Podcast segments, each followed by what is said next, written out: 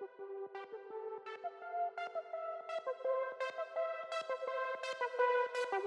you.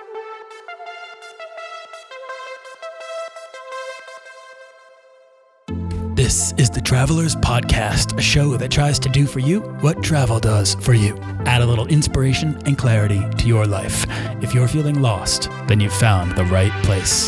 The Travelers is produced by Holocene. Rewrite the story of your life using travel and creativity in an eight week online program and year round membership community at holocene.co. That's H O L O C E N E dot C O.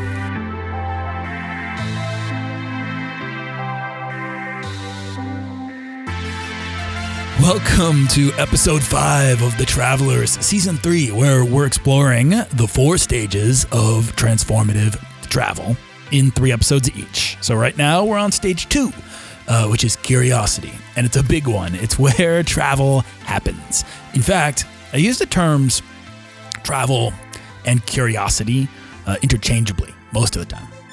But it comes down to curiosity because you don't need to travel to be curious or to find your curiosity or to follow your curiosity. However, you do need curiosity for personal growth, right? So, transformative travel is about using travel to find personal growth or transformation.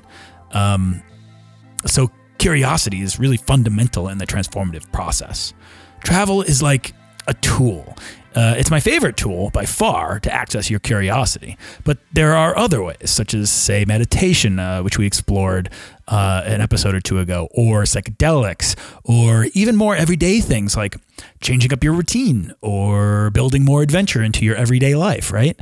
Here on The Travelers and in Holocene, where I teach this process to help people find purpose and passion and step into the fullest versions of themselves, we use travel.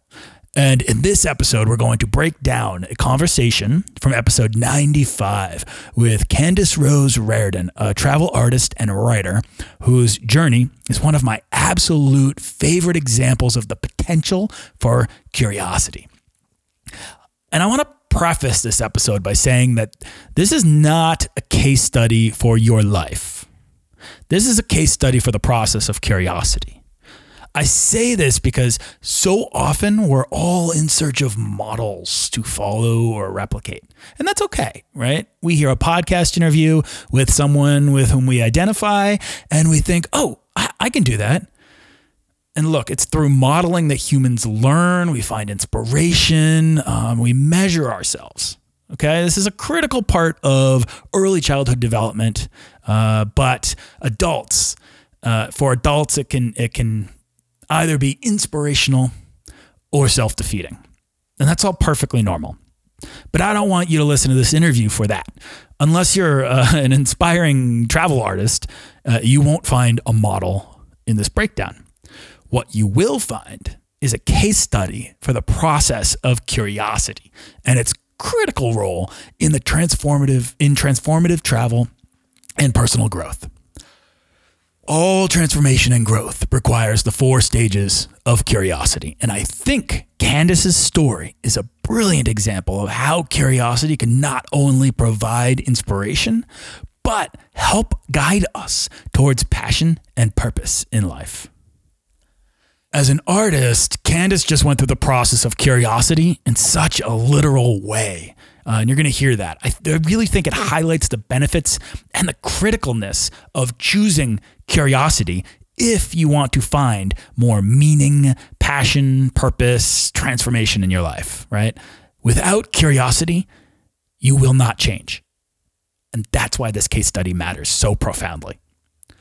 So, uh, as you would if you were taking a trip into a strange place, please go into this exploration of curiosity with an open heart and an open mind.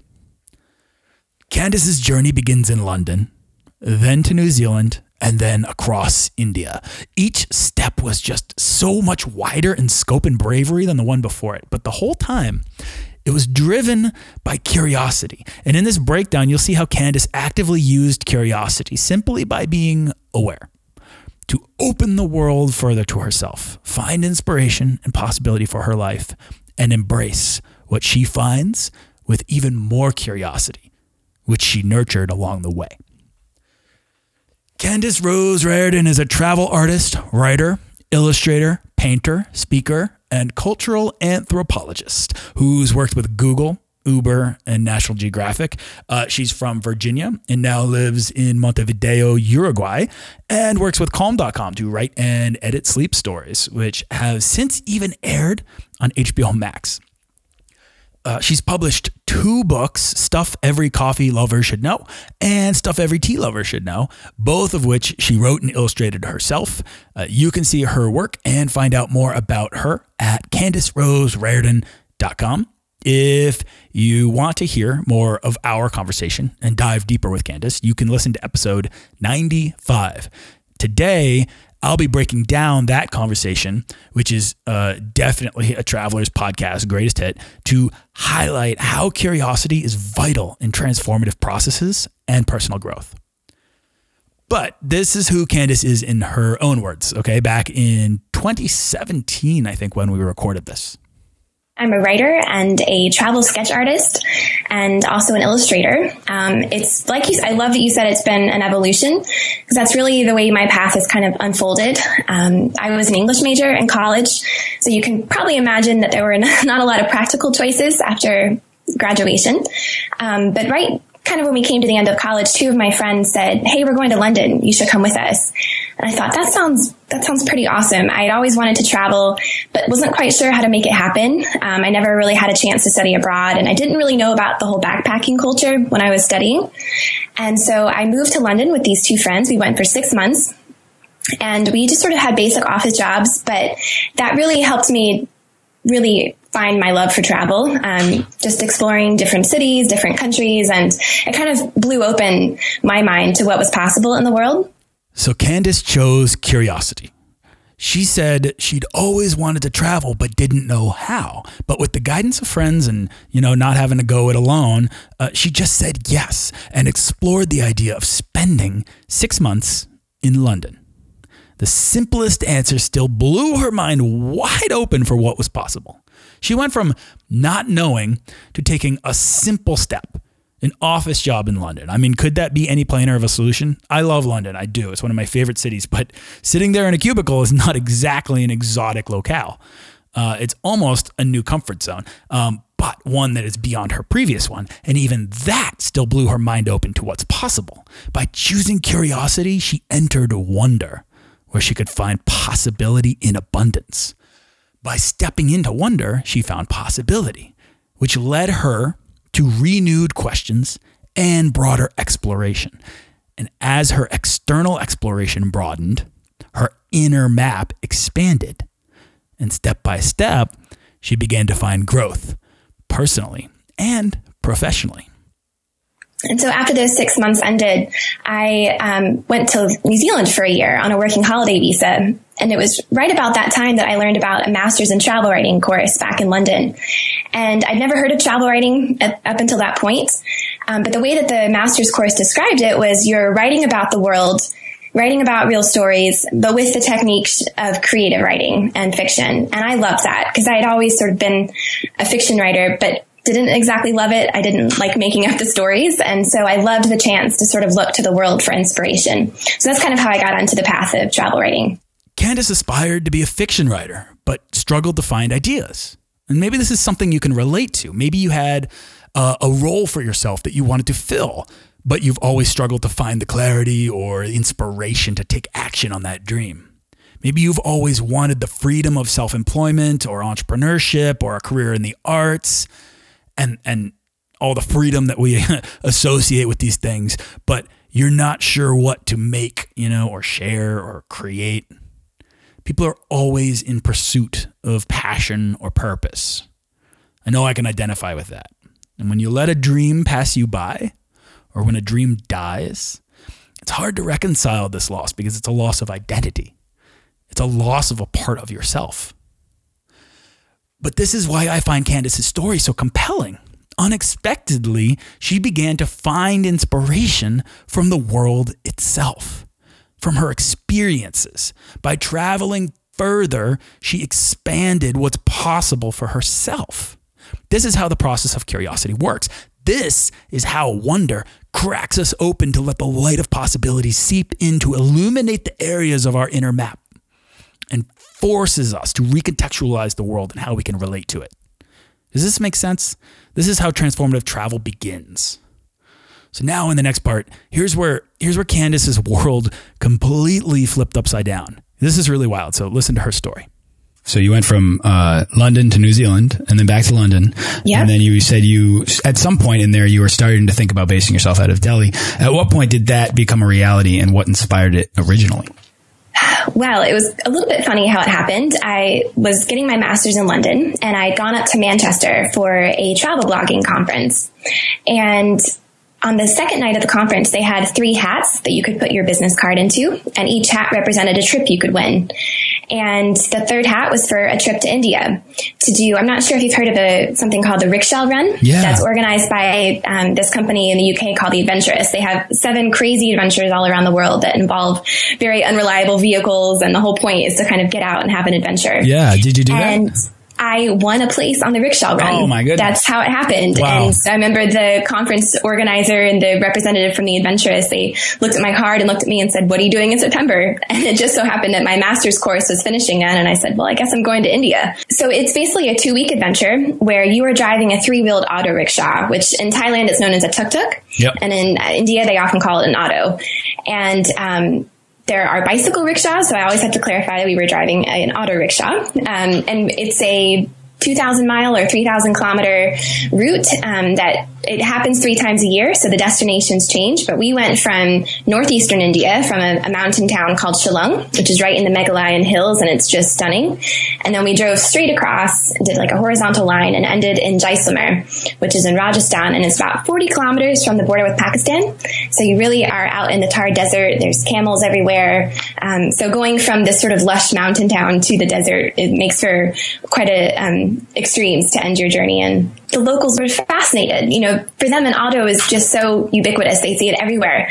But to suddenly have these crazy foreigners driving their rickshaw, and all of our rickshaws are painted in bright colors with crazy designs and themes. And so you can't miss us as we're coming into a village. I mean, you've got these brightly painted rickshaws with a bunch of foreigners driving in. And so the minute we would stop, it was like dropping a breadcrumb into a pond of fish. It was just, we'd be surrounded by 30, 40 villagers that were, where, where are you from? What are you doing? Why are you doing this? You know, especially for my teammate and I, we were two women. And so for them, I mean, women don't drive rickshaws in India.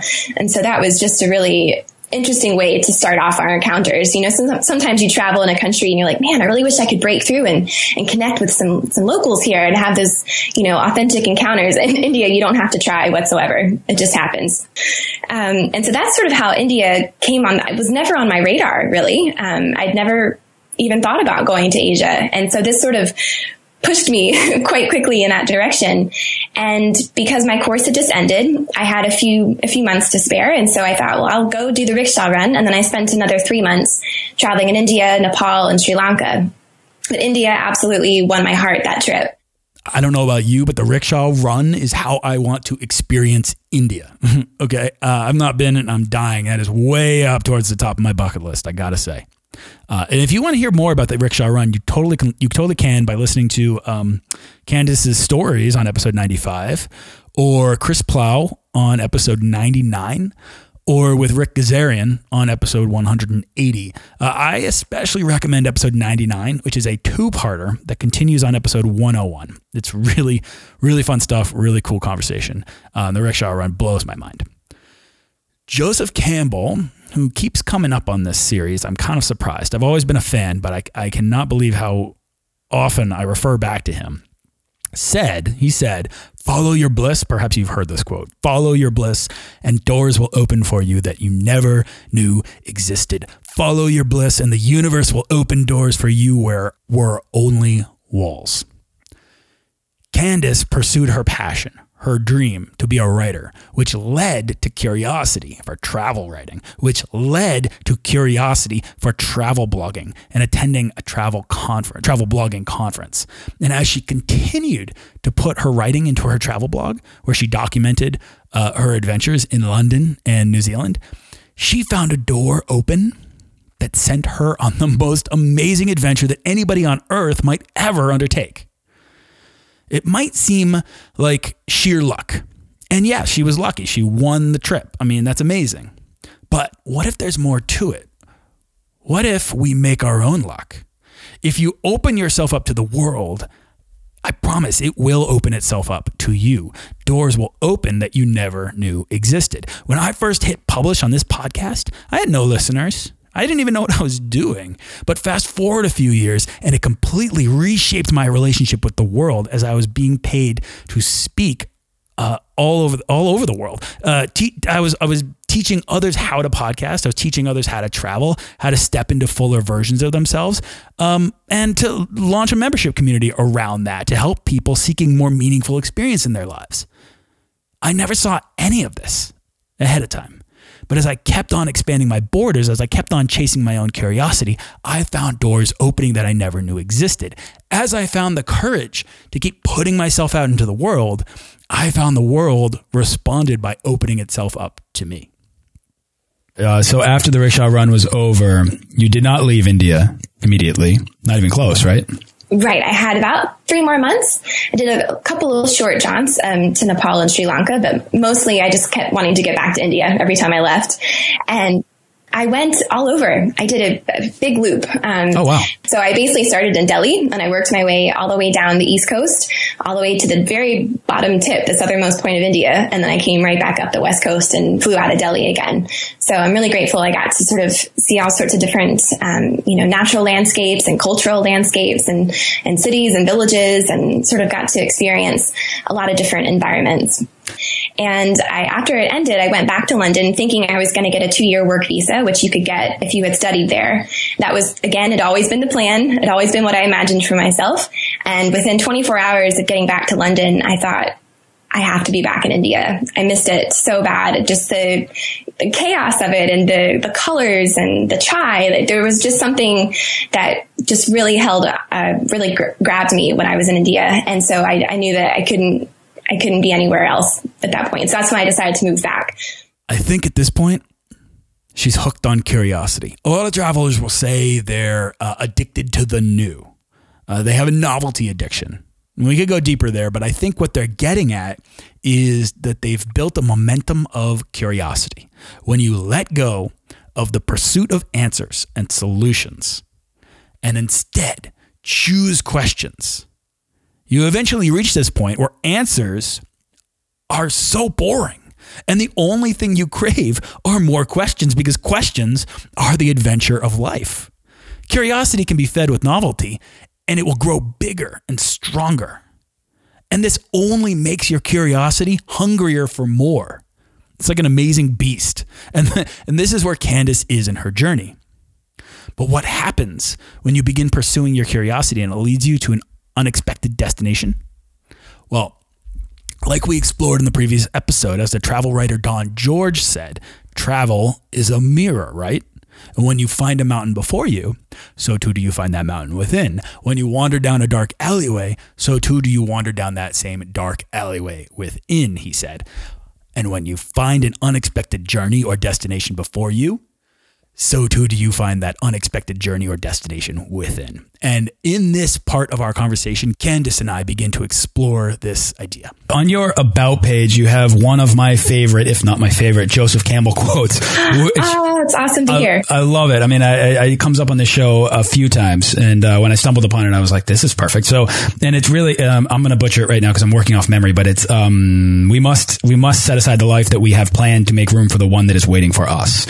Um, exactly. Right. And that's it. So I'm wondering what was the life that you had planned?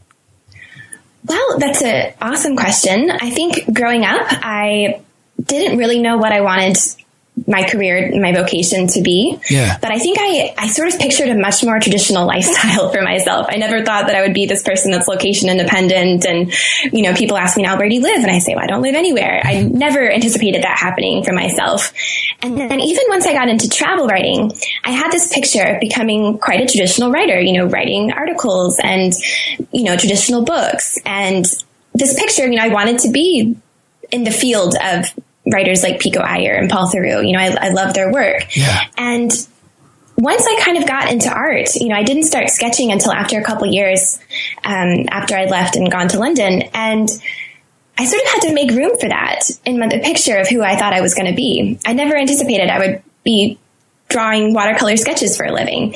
And so I sort of had to let go of this idea of the writer that I thought I was going to be to embrace the writer artist that I've become and realizing that there's a lot of power in that as well, even though it's scary to let go of these ideas and these, um, sort of lives that you've constructed for yourself and to say, you know what, I'm going to let go of that and sort of let life, you know, if life feels like it's doing something, don't stand in its way. And so that's really been um, the big lesson for me. This was a writer who stepped into art. She didn't abandon uh, her dreams, but she let flourish a new possibility when it showed up in her life. She had this idea of becoming a, a travel writer, but then the curiosity of sketching and then watercolor asked her, What if you tried this? So I began sketching while I was getting my master's. I had booked a couple of different weekend trips around Europe. Thank you, Ryanair. Um, it was pretty cheap to travel at that point, and so I, at one point, I had a, a, trip booked to Portugal, and I'm not quite sure what inspired me to do so, but I thought I'm going to bring a sketchbook and some watercolor pencils. You know, I'd taken watercolor lessons when I was young, but then once I got to high school and college, I hadn't picked up a paintbrush for about ten years, um, even though art was a big part of how, who I was growing up. Um, and so I thought, well, I'll bring a sketchbook with me. And almost instantly when I was in Portugal, I just loved the way that I felt when I was sketching. I loved who it sort of made me into. It really slowed me down and opened up my senses to that place as I was there. I was in Porto. Um, and so I just kind of kept doing it. You know, I went to Croatia and went to Brighton, England and always was bringing my sketchbook. It was like this new travel rhythm that I had. And so when I was in India, I didn't sketch all the time, but I you know, it definitely brought it out when, and especially to big cities because it was a great way to try to absorb what was otherwise very overwhelming. Um, and it wasn't until I kind of got back from those first three months in India that I started sharing the sketches online. Um, that first year that I was doing them, it was really just sort of for myself. Um, you know, I was enjoying the process of sketching. And then once I got back from India is when I started to kind of share them on my blog and share them in, um, I'm not sure if you're familiar with Wild Junket. Yeah. Um, they had a, a, travel, digital travel magazine. And so I talked to the editor, Nellie Huang, and we set up a travel sketches section. And so we would have a sketch in every issue. And so that was kind of the way that I first started to slowly let them out in the world. Um, but that was definitely a process. Sure. And then, um, has it, is it something that you deliberately carry into everywhere you go now? Yes. Now I basically travel to sketch. I'm not sure. it's, uh, it's funny now when I'm traveling. What did I do before I started sketching? Because now it's just such the it's my key. That's how I understand places now. Um, and it's really become the way that I find the stories that I love to tell as a writer as well. And so I love that it kind of serves both my writing and my sketching. Um, and so now I absolutely bring tons of sketchbooks and I have a little watercolor paint field kit and watercolor pencils and try not to bring too much because otherwise it, you know, the bag starts to weigh down a little bit. Um, but bring enough. Once she started sharing her work on her blog and in other publications, she started to step into the role role of travel writer artist and gain recognition for that. And she was finding people that were interested in sharing her work. I mean, that's amazing. But what I find so compelling about Candace's story as an example of how curiosity can open the world and ourselves to us to help us find deeper, more meaningful experiences and uncover new passion or purpose, right? What I find so compelling is how her big discovery was painting which she used to study wherever she was. So if she was traveling to India or Portugal, she could use sketching or painting as a way to unlock a destination. And the act of painting itself became a way for her to exercise her curiosity because she was literally studying and examining destinations in peaceful detail.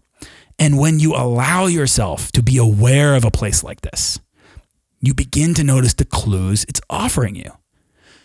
Here's where Candace and I begin to dig into this idea.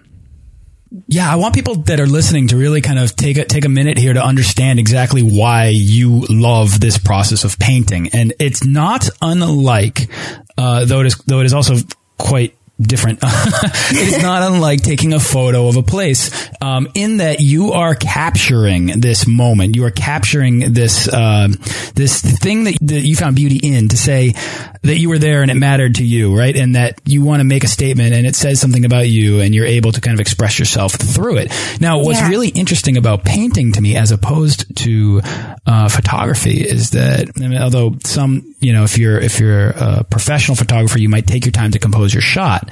Um, right. A painter is going to sit and take their time, really paying attention to a landscape or a scene or a person, and really get into the fine details, really perceive and understand uh, not only what it is that you see and like about this person, but precisely why you like it. And that I think imparts a lot of knowledge uh, about you onto yourself which is a little meta, but um, but no. the rewards are really there because you're sitting there, Candace, and you're able to kind of just take your time and you're seeing like this landscape in Japan, and you're saying, I really like this, and I didn't maybe I didn't notice it before, but now that I'm painting it, I understand a little bit more why I do.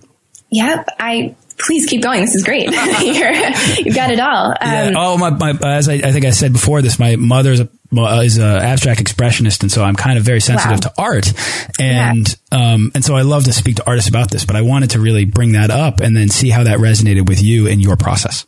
Oh, well, I'm thrilled you did. And I think you really hit on the key points of why I love sketching. So I'm also a photographer and I always travel with my camera. I have a DSLR. I wouldn't think of, wouldn't dream of traveling without my camera.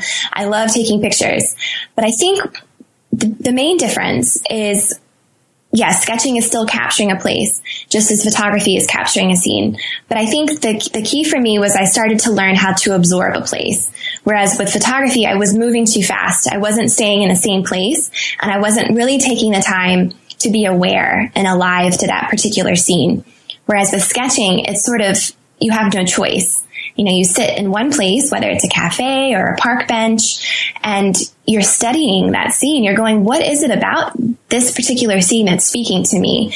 You know, I've always said sketches are really, it's a, a series of decisions where you're saying, okay, the thing about a sketch is you can't capture everything. It's frustrating, but it's also freeing where you can't include it all. You know, I'm looking at it. I remember sitting in Dublin last October and was sketching in a pub and I thought, ah, I was almost frustrated. I couldn't get everything I wanted, but it was instead, it's a, it's a chance to go, what about this scene is speaking to me? Is it the tiled floor? Is it the detail of, of a bunch of lavender hanging on the wall? You know, it's a chance to sort of put everything into a sketch that you're noticing and that, even as you said, there are sometimes things that when I sit down to start sketching, I haven't noticed, but halfway through, I'm like, oh gosh, I love that. Let me put that in as well. And so it's that process of discovery is what I really love about sketching as well, is that it really helps me pull back the layers of a scene where I'm not just kind of moving through and snapping the camera and moving on. It's like I'm actually studying it um, and having that increased attention, which has really helped me have such richer memories of a place.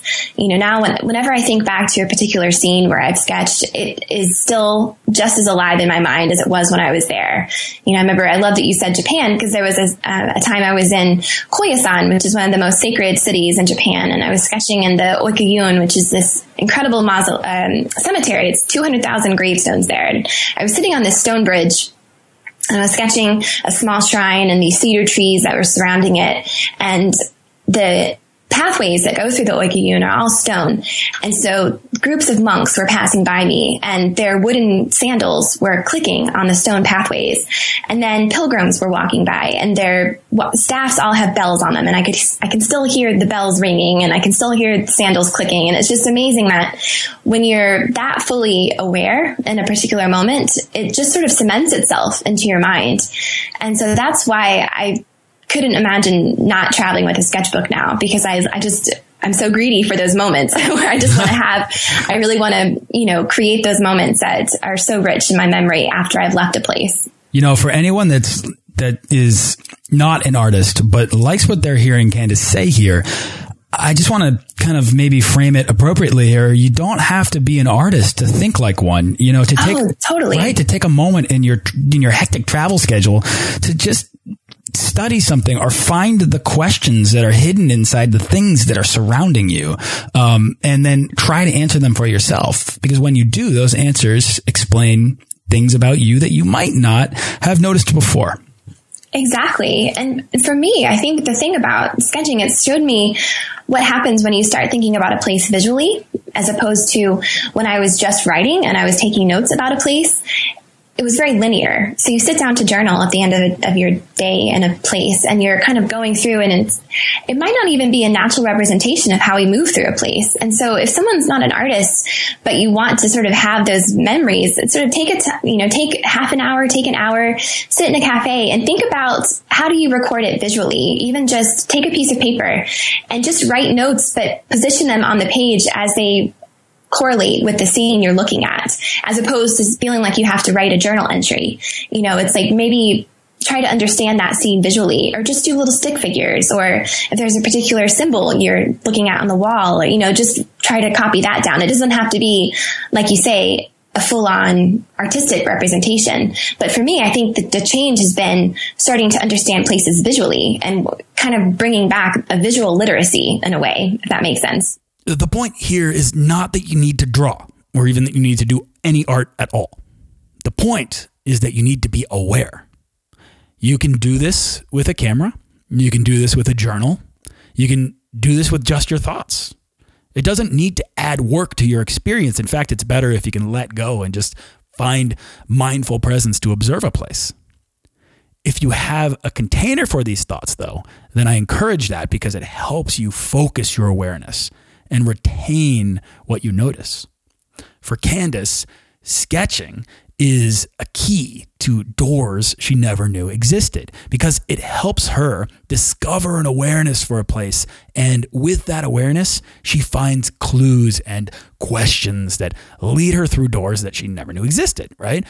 But you, you only need to be aware to have awareness. It's not complicated. Taking this uh, intention of being aware into your travels will guide you towards new questions and clues.